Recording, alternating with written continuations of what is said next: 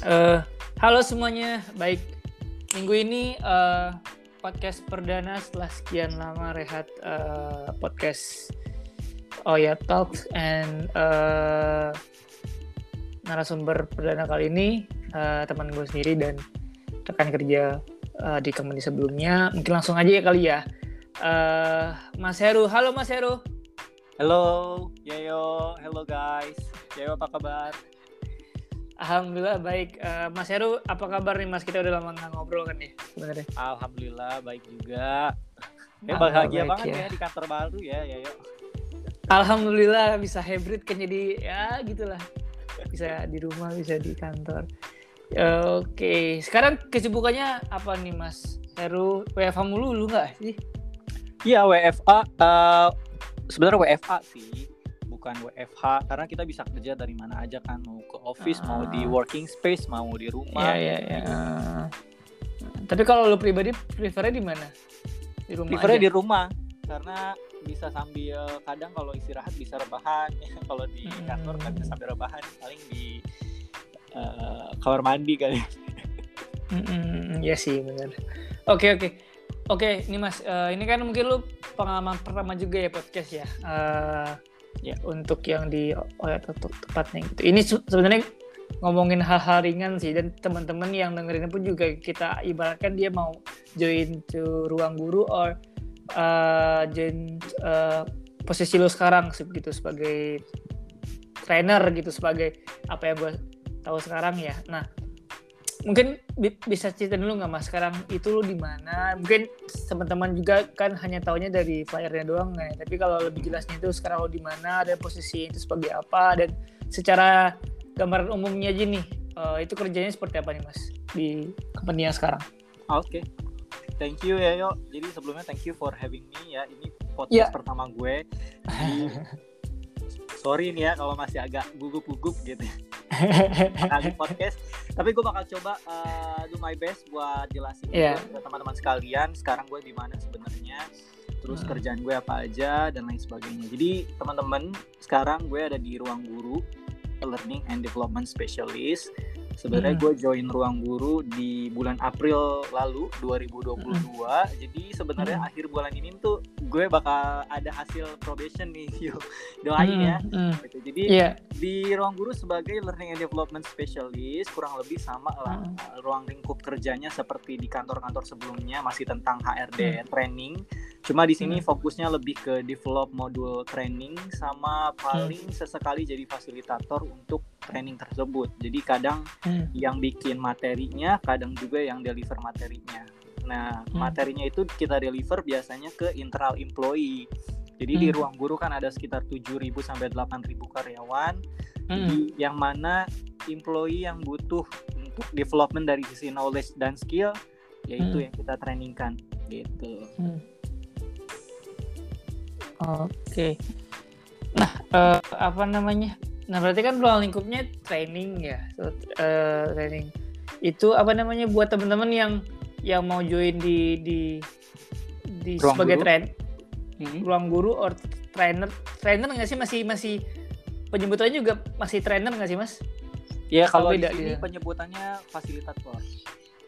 Fasilitator ya, oke. Okay. Iya. Fasilitator di sana teman-teman yang pengen jadi fasilitator atau join di ruang guru ini apa nih mas yang mereka harus persiapkan? Spesifik mungkin ruang lingkupnya ruang guru atau lebih spesifik lagi di di uh, departemen di tim lu sekarang gitu? Ya, oke. Okay. Jadi sebenarnya learning and development di ruang guru itu adanya under HCCA, Human Capital and Corporate Affair. Jadi hmm. kita ada di tim learning and development. Jadi teman-teman sebenarnya kalau mau join di learning and development, especially di ruang guru, itu sebenarnya kita nyarinya yang lebih ke experience. Jadi hmm. kalau teman-teman punya pengalaman di tim HR training welcome banget. Hmm. Jadi silahkan aja untuk apply. Tapi kalau untuk saat ini kayaknya posisinya udah keisi sama gue nih yo. Jadi, jadi oh, belum yeah. ada. Kalau di tim learning and development belum ada. Tapi kalau teman-teman hmm. mau coba posisi di tim lain itu banyak karena hmm. ruang guru lagi open di berbagai divisi dan juga departemen.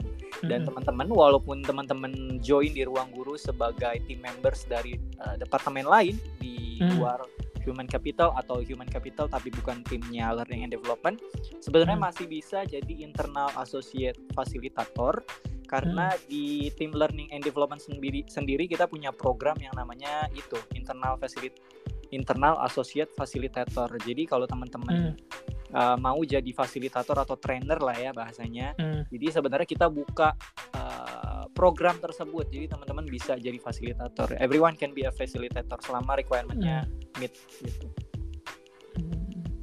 Oke, berarti ruang guru kan bisa kita katakan startup ya mas ya sekarang yes. ini uh, secara secara branding pun namanya startup gitu walaupun sudah investornya udah udah udah gede juga kan harusnya ya.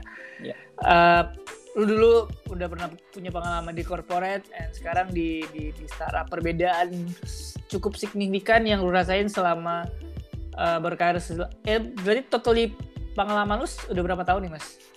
Kurang lebih tujuh tahun dari tahun 2015 ya. yes oke selama tujuh tahun itu perbedaannya yang ya pasti anak-anak fresh graduate kah atau yang masih baru-baru hmm. berkarya setahun dua tahun pasti kan hmm. dia mungkin ada yang belum pernah ke startup atau yang pernah ke corporate nah kalau sendiri perbedaannya apa nih mah udah pernah nyemplung ke dua-duanya gitu Bedaannya sih dulu waktu pertama kali join company gitu ya di corporate di Garuda Indonesia Training Center itu hmm. sebenarnya perubahannya waktu dulu gue jadi salah satu yang termuda gitu.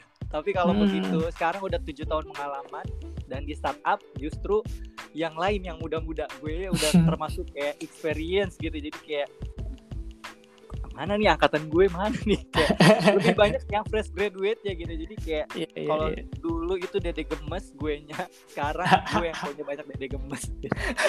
Jadi uh, bedanya itu terus kalau di startup sebenarnya lebih agile dalam artian karena bisnisnya juga dinamis dan juga uh. segala kegiatan project management juga lebih agile jadi lebih uh. pace-nya itu lebih uh, apa namanya jadi lebih kalau di startup tuh dibilang kerjaan banyak banyak ya di corporate juga hmm. tapi kalau di startup dilihat-lihat dari kalendernya nih Google Calendar kayaknya lebih hmm. padat gitu mulai dari meeting mulai hmm. dari training dan lain sebagainya jadi kalau dibandingin antara kalender di corporate sama di startup kayaknya banyak biru birunya adanya di startup deh hmm. bedanya itu sih oke Nah, uh, specifically ke ke ruang guru sendiri nih. Berarti kan setiap company kan punya culture-nya sendiri ya, Mas ya. Iya. Yeah. Nah, kalau di di ruang guru sendiri nih buat teman-teman atau yang uh, yang lagi denger ini dia mau join tuh ruang guru terlepas dari posisinya apa ya. Secara yeah. culture di, di di ruang guru itu seperti apa sih, Mas? Culture di sana biar mereka bisa adaptasi dan lain sebagainya gitu. Oke, okay, ngomongin soal culture, sebenarnya ruang guru punya value yang diimplementasi juga di kalangan employee gitu ya value-nya hmm. itu chief panggilannya hmm. C H I E F gitu ya hmm. Ini salah satu culture juga di ruang guru karena kita hmm. berusaha untuk implement dari value ini jadi chief hmm. itu ada kepanjangannya nih jadi hmm. ada kolaboratif human centric entrepreneurial, introspektif, hmm. sama fun ya. Jadi yang in, uh, introspektif sama entrepreneurial tadi kebalik gitu ya. Jadi chipnya hmm. C H I E F. Jadi ini salah satu ataupun salah lima culture di ruang guru yang kita semua employee coba implement. Jadi setiap di ruang guru hmm. kita dituntut untuk uh, apa senantiasa berkolaborasi gitu ya. Karena kerjaan hmm. kan nggak hanya melulu tentang satu tim aja, tapi kita butuh kerjasama juga hmm. dari across departemen atau across division. Hmm. Selain itu juga introspektif karena di sini kalau cenderung kita bikin salah, kadang ada hal sesuatu yang harus dikoreksi, sebenarnya nggak plek-plek diomelin atau di depan umum kayak dimarah-marahin hmm. gitu ya. Lebih hmm. ke introspektif aja sih. Kalau ada kesalahan hmm. kita belajar supaya kita nggak ulangin di kemudian hari.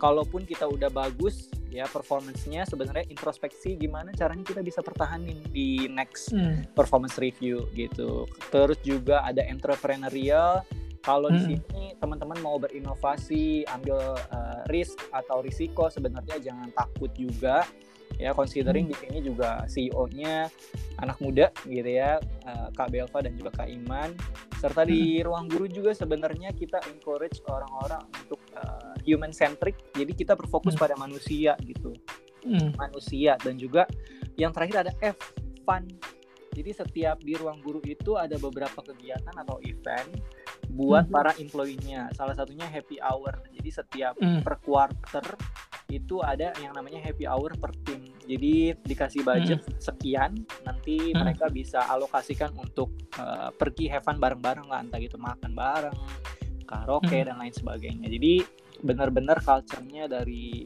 value yang tadi chief itu sendiri gitu sih. Oh. Oke. Okay. Nah sejauh ini berarti kan tadi kan lu juga mention juga totally uh, WFH ya. Se lu yang akan selesai probation ya Mas ya bulan ini ya bulan depan. Bulan ini akhir bulan. Bulan ini. Oh, bulan ini ya. Nah, gimana cara lu beradaptasi di ruang guru sendiri Mas? Bisa digolongkan juga baru ya? Iya.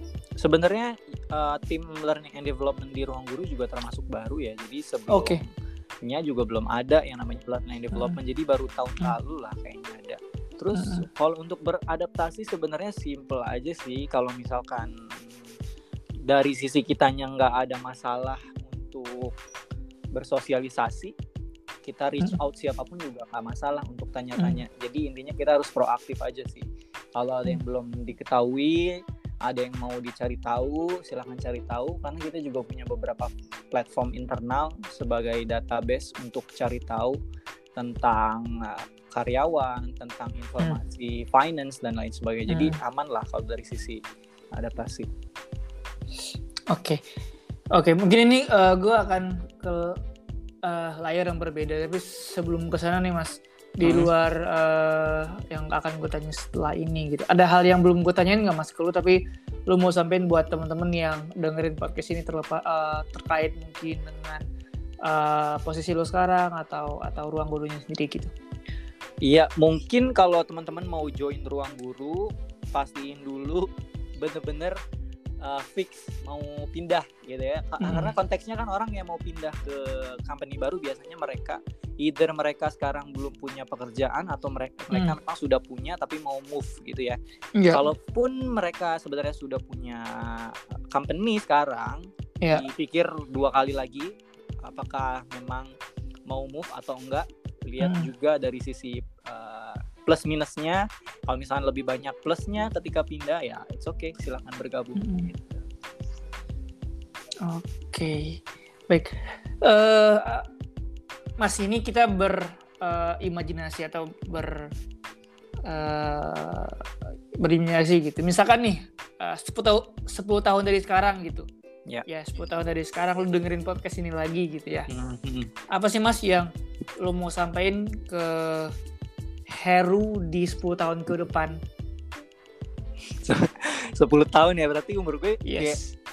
kayak 39 Iya di, di umur segitu lu dengerin podcast ini lagi dan lu mau nyampein apa ke diri lu yang waktu itu di umur segitu lagi lucu-lucunya kalau kata anak TikTok kali ya.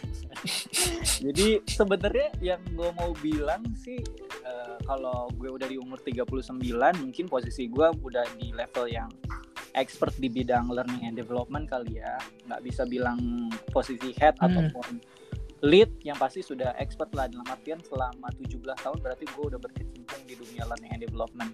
Mungkin gue akan bilang you've worked hmm. hard gitu jadi uh, udah hmm. bekerja keras gitu ya yang lu capai sekarang apalah adalah buah hasil daripada lu yang lu jalanin pada saat lu muda, yang lu perjuangkan juga saat muda. Jadi gue sebenarnya uh, di umur 39 expect-nya tabungan gue udah makin banyak, baik dari hmm. segi finansial sama knowledge-nya juga udah jadi lebih upgrade lah. Gitu. Hmm.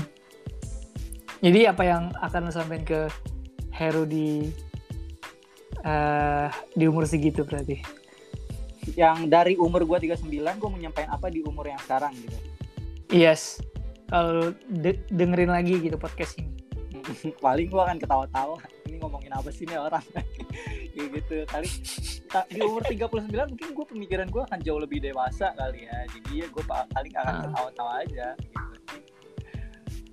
ngomong apa nih anak gitu Oke, oke. Eh, next nih Mas Her ini kita hmm. dikejar-kejar juga lo mau meeting ya? Iya iya. Uh, ada nggak hal yang uh, lo mau tanya ke ke gue mas sebelum kita ke closing statement mm -hmm. ini? Kira-kira lo mau nggak pindah ke ruang guru? Hah? Pertanyaan apa coba itu? Uh, sejauh ini sih belum sih ya Mas ya. Karena kan gue uh, masih fokus di di sini karena kan uh, sejauh ini kan gue cukup nyaman ya di company yang sekarang gitu. Hmm. Gitu sih sejauh ini. Karena gua kan masih... uh, Oke, okay, kenapa?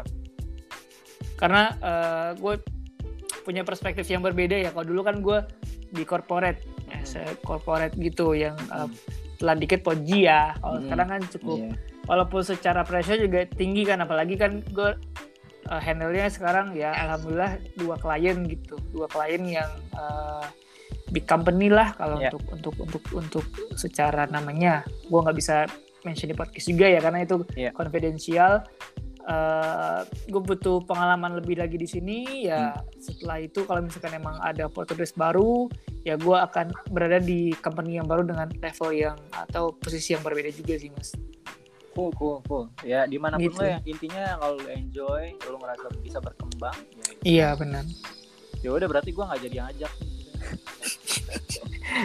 kalau ngajaknya di, di level yang berbeda sih ya kita bisa negosiasi tapi jangan jangan sekarang juga sih ya mas ya. Bisa lah si CEO mungkin. Pertanyaannya gitu lagi. Ah lagi nggak mas? Eh, nggak uh, ada sih. Thank you aja. Ya, ya udah undang gue ke podcast. Semoga yeah, yang iya. dengerin yeah. juga nggak ngantuk gitu. Iya iya. Ini iya. Kita ngomongnya langsung sudah poin aja ya. Gue nanyanya apa jawabnya apa. Biar biar teman-teman yang dengerin itu juga uh, tahu poin-poin intinya aja ya mas ya. Yeah. nah oke kita ke ke tahap terakhir nih mas dari podcast ini yaitu uh, closing statement mungkin boleh nih mas closing statement dari lu boleh silakan Ya, uh, sebenarnya teman-teman, kenapa gue pilih di learning and development karena inline juga sama background di pendidikan bahasa Inggris gitu ya. Kenapa gue jalanin ini sampai sekarang sampai tujuh tahun dan uh, ke depannya pun nggak ada pemikiran untuk keluar dari area learning and development karena gue suka belajar. Ya dalam artian salah satu yang bikin gue stay in touch ataupun stay up to date ya sama latest trend, sama best practices yang baru dan lain sebagainya itu karena gue belajar terus. Karena di learning and development gue dituntut untuk senantiasa bikin modul yang memang relevan pada saat ini, yang relevan untuk diberikan ke yang lain. Karena ilmu yang bermanfaat hmm. itu ilmu yang kita punya itu bisa di-share ke orang lain. Apalagi pada saat hmm. kita udah share ke orang lain, ilmunya bermanfaat buat mereka. Gitu. Jadi hmm. sebenarnya kenapa gue passion di sini karena gue bisa terus belajar, hmm. bisa sharing knowledge bisa hmm. implement hmm. uh, pengetahuan yang gue tahu jadi gue nggak gampang lupa juga jadi sebenarnya hmm. apa pun yang kalian lagi lakuin sekarang pekerjaannya do what uh, you love love what you do gitu ya hmm. uh, apa pun meskipun bukan bidang learning and development gue yakin kalian punya passion masing-masing dijalanin aja hmm. gitu karena hmm. setiap area pasti ada sisi positif dan juga sisi kurangnya. Namun biasanya hmm. kalau uh, dirasa sisi positifnya lebih banyak go on gitu. Hmm. itu aja sih. Itu aja ya oke. Okay. uh, eh, baik thank you mas Heru uh, untuk udah mau join nih masalahnya banyak juga yang nggak mau podcast di tempat gue nggak tahu kenapa pressure mereka. Banyak narsum-narsum sebelumnya. Gue kayak kita ngobrol biasa doang gue bilang gitu kan. Tapi kayak insecure bla bla bla. Tahu gue aku masih mikir kenapa nggak mau apa padahal masih biasa aja. And then thank you banget mas untuk waktunya. Dan mungkin kalimat lu juga uh, teman-teman yang dengerin mas Heru juga. Kami dulu satu kantor dan gue banyak belajar dari mas Heru terkait uh, kerjaan dan lain sebagainya. Lain-lainnya sharing dan lain-lain. Mas Heru nggak hanya uh, mungkin mungkin lo yang yang dengerin ah dia cuma baca doang bla bla bla. Dia beneran se sebaik ini anjir. Maksudnya emang ya buat buat buat apa ya mas ya kita punya punya punya knowledge tapi kita nggak sharing ke orang gitu. Nggak nggak hmm. nggak ada gunanya juga gitu ya kalau buat dimakan sendiri ya mas ya. Iya makin kita ngajarin makin kita paham ya mas ya? Itu iya, tuh anak-anak anak-anak trainer tuh. Hmm. makin dia ngajarin makin dia paham gitu ya. Yes betul. Uh, gue cocok jadi trainer nggak mas? Nah, cocok cocok. Lu mau makan apa abis ini? Gue abis dipuji nih soalnya. Gue bisa sih mas kalau jalannya berbeda. Oke okay, uh, and and then sorry mas kalau misalkan uh, ada kalimat gue yang kurang-kurang sopan ya asik. Sangat formalitas sekali ya kurang sopan dan uh, mungkin kita kapan hangout lagi. Kayaknya kita ketemu terakhir itu kayak cuman selewat doang masih sebentar doang. Nggak ada yang uh, quality time yang banyak aja gitu sama anak-anak kantor sebelumnya. Ya, gampang lah nanti. Kita masih bisa. Siap siap apa gue next next narsumnya orang-orang yang udah resign aja kali ya? Ya boleh boleh. Mungkin collect data juga kenapa mereka bisa resign kan iya sih bener. Ntar gue pikir lagi. Ayo ah, ya udah. Uh, sekali lagi thank you ya mas ya untuk waktunya. Selamat meeting. Uh, ini kita satu-satu doang langsung record langsung itu sukses buat lu mas. Salam buat tim tim yang ada di sana. Kapan-kapan gue main ke ruang guru sebagai apa pun itu. Yeah. boleh, uh, boleh. invite me.